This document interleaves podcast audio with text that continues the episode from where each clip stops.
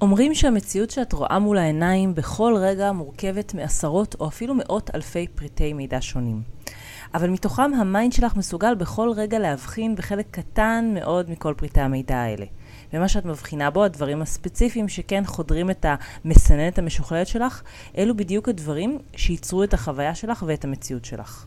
מה שזה אומר בעצם, זה שהיכולת שלך לחוות מציאות אחרת נשענת קודם כל, בראש ובראשונה, על היכולת שלך לשנות את המסננת. לוודא שבפילטר עוברים כמה שיותר דברים שמחזקים אותך, מעצימים אותך, נותנים לך כוח, שלווה, אופטימיות, מאפשרים לך לפעול בצורה שתמקסם את הסיכוי שלך להגשים בדיוק את מה שאת רוצה וכמה שיותר מהר. אז בפרק של היום אנחנו הולכות לדבר על שינוי המסננת שלך, או במילים אחרות שינוי הפרספקטיבה, שזה חלק משמעותי מכמעט כל פרויקט זימון מציאות שתרצי לעשות. אז בחרתי לחלוק איתך היום שלושה כלים ליצירת טרנספורמציות תודעתיות כאלה, מהסוג שמפיל אסימונים, משנה את זווית הראייה ויכול לנקות אמונות מגבילות וחוסמות. הכלים האלה מלווים אותי כבר שנים בעבודה שאני עושה באופן אישי, וכמובן באימון בזימון עם הנשים שאני מלווה ובקורסים שאני מעבירה. אז פתיח קצר ומתחילות. היי, אתן מאזינות לפודקאסט קפיצה קוונטית, ואני נועה גורן, המנחה של הפודקאסט הזה. אני חוקרת את חוק המשיכה ועולם זימון המציאות משנת 2003, ומלווה נשים ליצירת חיים של שפע, הצלחה, אהבה והגשמת חלומות בעזרת כלים אנרגטיים ותודעתיים. אם את רוצה לקחת את החיים שלך קדימה ולמעלה ולקבל כלים, ידע ותובנות שיקדמו אותך בדרך שלך, אז הגעת למקום הנכון. בפודקאסט הזה אנחנו נדבר על מה באת לעשות פה בעולם הזה, מה הולך ליצור לך את חיי השפע והשגשוג שאת מבקשת לעצמך, מה מעכב הגשמה והצלחה, ומה יכול לייצר קפיצות קוונטיות, אותם שינויי מציאות מהירים שמרגישים כמו קסם אמיתי כשהם קורים. מוכנה? אנחנו מתחילות. יש אינספור שיטות וטכניקות וכלים ליצירת שינויים תודעתיים. חלקן מוכרות יותר, חלקן מוכרות פחות, חלקן עם יותר הייפ וסיפורי הצלחה, וחלקן פחות. אבל העקרונות הבסיסיים שהשיטות עובדות לפיהם חוזרים בצורה כזאת או אחרת שוב ושוב, בכל שיטה ושיטה. עכשיו, אם את שואלת, רגע נועה, למה בעצם צריך כמה וכמה שיטות שונות, אם זו בעצם אותה הגברת בשינוי אדרת? אז חשוב לזכור שבשנים האחרונות אנחנו נמצאים תחת מתקפה חושית קבועה. אין ספור גירויים מפציצים אותנו. המכשירים הקטנים והחכמים שאנחנו סוחבים איתנו לכל מקום, בעצם גורמים לזה שהמיינד מפסיק להתייחס לשגרתי ולקבוע. זה הופך להיות חלק מהנוף, ממש ברמה שקשה לזכור להתייחס. מכירה את המצב הזה שאת מרימה את הטלפון כי את רוצה לבדוק משהו, אבל יש שם איזו הודעה חדשה שמסיחה את דעתך, ומבלי לשים לב את נשאבת ונסחפת, עד שפתאום יש מין מיני התעוררות כזאת של, או oh, נכון, בכלל באתי לבדוק משהו?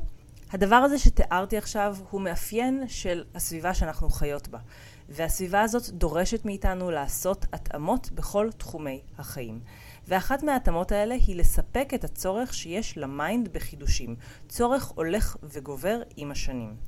אז בעצם אם יש לי ארגז שלם של כלים ואני כל פעם בוחרת כלי אחר, אז החידוש מאפשר לכלים לעבוד, ל mind לא לסנן אותם. ואולי כבר יצא לך לחוות בעבר את המצב ההפוך, שבו את לומדת כלי מדהים, כמו אולי Theta Healing, או רייקי, או NLP, או לא משנה מה, וזה מרגיש כאילו החיים לעולם לא יהיו שוב אותו הדבר. אבל עם הזמן, משהו מתפייד בעוצמה. משהו כבר לא אפקטיבי כמו שזה היה בהתחלה. ממש כמו התאהבות שהופכת לאהבה בשלה, אבל האנרגיה של ההתחלה כבר לא שם. אז עכשיו כשאנחנו מבינות את הבסיס ולמה אנחנו רוצות כמה וכמה כלים שונים בארגז הכלים שלנו, בואי נצלול פנימה ונתחיל עם הכלי הראשון שאני רוצה לדבר עליו היום, שהוא הכלי של שאלת שאלות. שאלות הוא אחד הכלים שאני הכי הכי אוהבת ושכל מי שעובדת איתי חווה על בסיס קבוע. גם כי זה כלי כל כך קליל מצד אחד וכל כך עוצמתי מצד שני, וגם כי זה כלי שה mind לא ממש יכול להתרגל אליו אף פעם. כי שאלות בבסיס שלהן מפעילות את ה mind. הן לא מאפשרות לו להתנמנם. ה mind לא יכול להיות פסיבי כשאת עובדת עם שאלות, כמו שהוא יכול להיות כשאת עובדת עם נגיד מנטרות מהדהדות ואפירמציות, או עם דמיון מודרך. והסיבות שזה כך זה כי א', שאלה היא דבר שמעורר קשב, וזה לא משנה אם זה אדם אחר ששואל אותך, או את ששואלת את עצמך בסביבה אה, שככה באמת מאפשרת לך לעצור ולתת תשובה. וב' כי יש פה עונג בילט אין שבנוי לתוך מתן התשובה. כשאנשים מקשיבים למה שאנחנו אומרים, זה נותן בוסט של דופמין למוח, היי טבעי. ואפילו אם זו את ששואלת את השאלה, ואת שנותנת את התשובה, עדיין ברמה מסוימת הקשב שאת מפנה פנימה מייצר עונג. גם האגו אומר לעצמו, hmm, מתעניינים במה שיש לי להגיד, איזה כיף. אז הרעיון בשאלות, השאלות הנכונות כמובן, זה שהן מאפשרות לאדם למצוא את התשובה בפנים. ואין פה ניסיון לייצר שינוי תודעתי מבחוץ, להנחית איזושהי הצהרה, עצה, משהו שהוא חכם, אבל לא באמת יכול להדהד ולהיכנס פנימה. כלי השאלות הוא ממש כמו סוס טרויאני. יש חדירה פנימה לתוך מערכת המחשבות והאמונות, ומשם מגיע הטוויסט המחשבתי. זה הרבה יותר קל, כי זה לא דורש שכנוע, זה רק מצריך את השאלה הנכונה. וזה מביא אותי לעיקרון הכי חשוב בשאלת שאלות. יש פה המון ניסוי וטעייה, וזה בסדר גמור.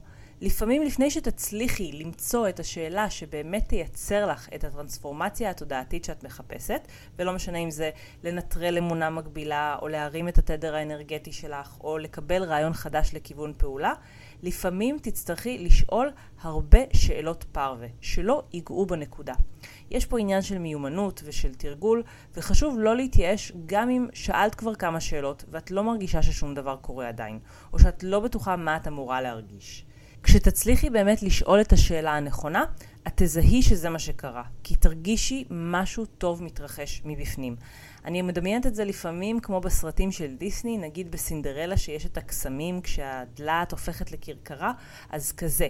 מרגישים את הטרנספורמציה תוך כדי שהיא קורית. פתאום זווית הראייה משתנה.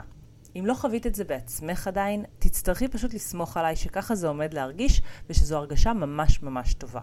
עכשיו, כשהכנתי את הפודקאסט הזה, שאלתי את עצמי איך אפשר ככה לתת טעימה מכלי כל כך משוכלל, שבדרך כלל דורש עבודה אחד על אחד, על מנת באמת לחוות אותו ולהבין את הכוח שלו. והחלטתי לשתף אותך פשוט באחד מהמקרים הנפוצים שבהם אני מפעילה את הכלי הזה, וזה המקרה שיש בו הרגשה רעה ותדר אנרגטי נמוך. משהו לא נעים קורה, נגיד מישהו שהתחלת לצאת איתו והיית בעניין אמר לך שהוא פחות, או פיטרו אותך מהעבודה, או חבר העביר עלייך ביקורת, לא משנה מה. את שמה לב שאת חושבת על הדבר הזה, וזה עושה לך לא טוב.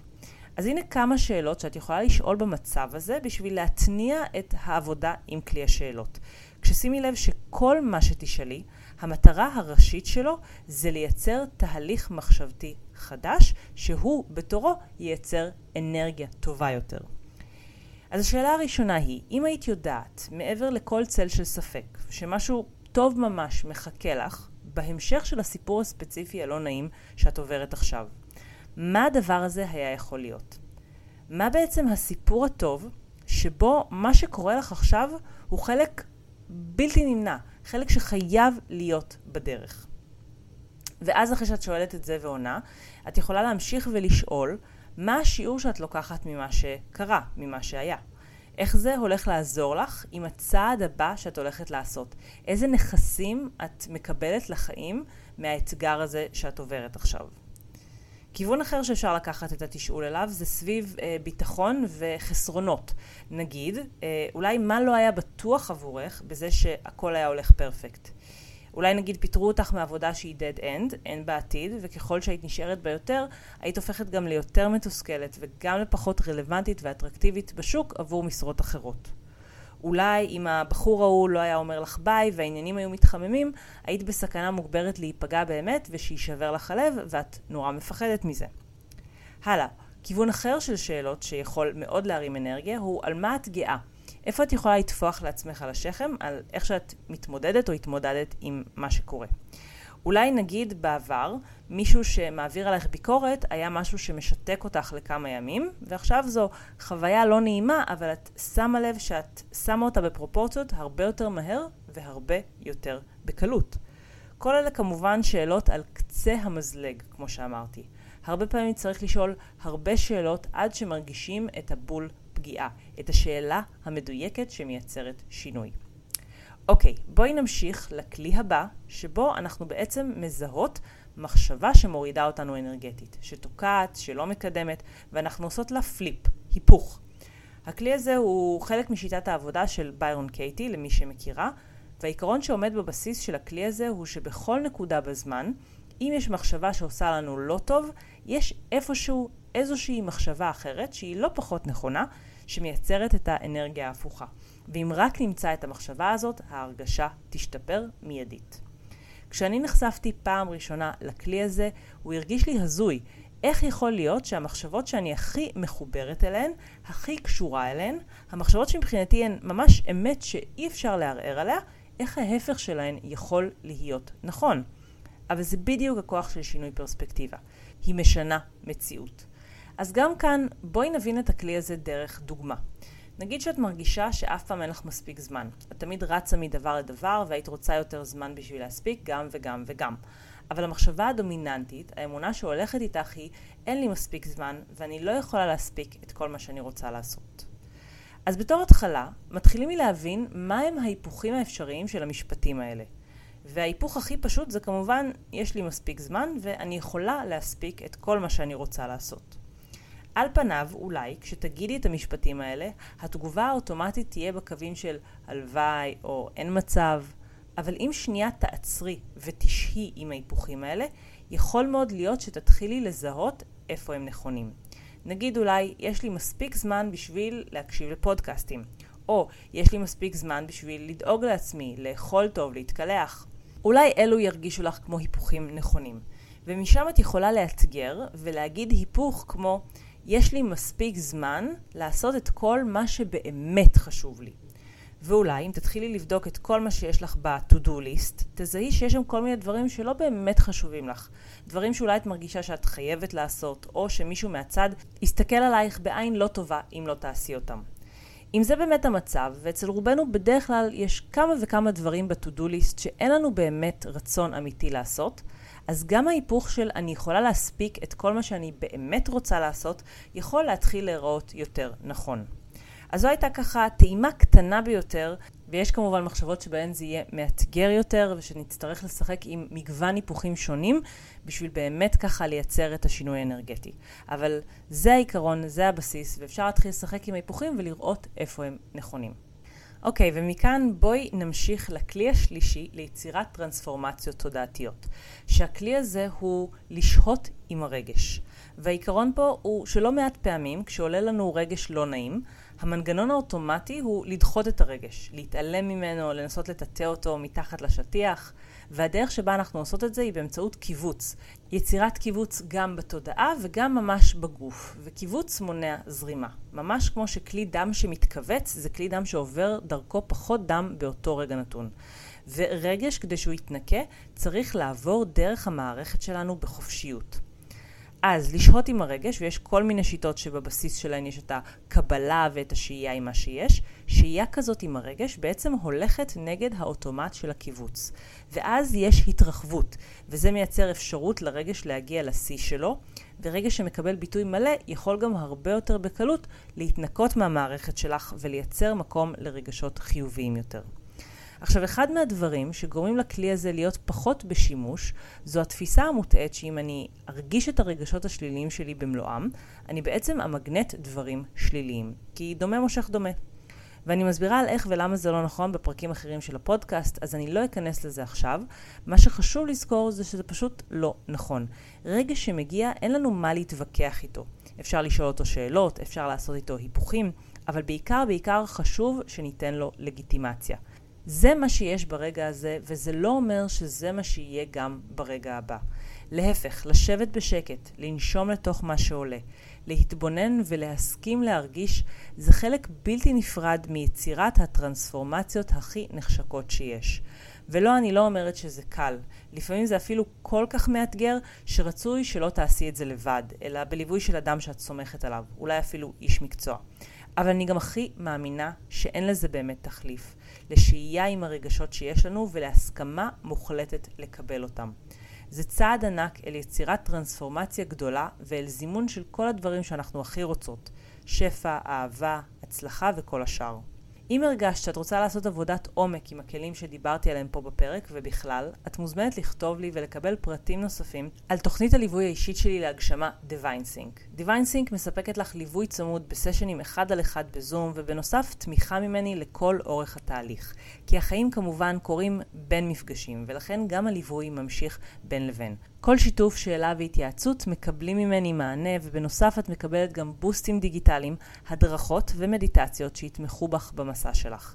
אז אם זה נשמע לך כמו משהו שמדויק לך ולאיפה שאת נמצאת היום, תכתבי לי ונבדוק ביחד אם זו אכן ההתאמה עבורך. אז תודה רבה שהאזנת לפרק הזה. אם אהבת את מה ששמעת, אני הכי אשמח בעולם אם תשתפי ותדרגי ותעבירי הלאה למי שהתוכן הזה יכול לעזור לה. ואם את עדיין לא עוקבת אחריי באינסטגרם, אני מחכה לך שם. חפשי אימון בזימון כדי לקבל ממני ים של תוכן, הדרכות וטיפים על איך לעשות קפיצות קוונטיות וליצור את החיים שאת רוצה בקלילות ובהנאה. זה הכל בינתיים, ואנחנו נשתמע בפרק הבא.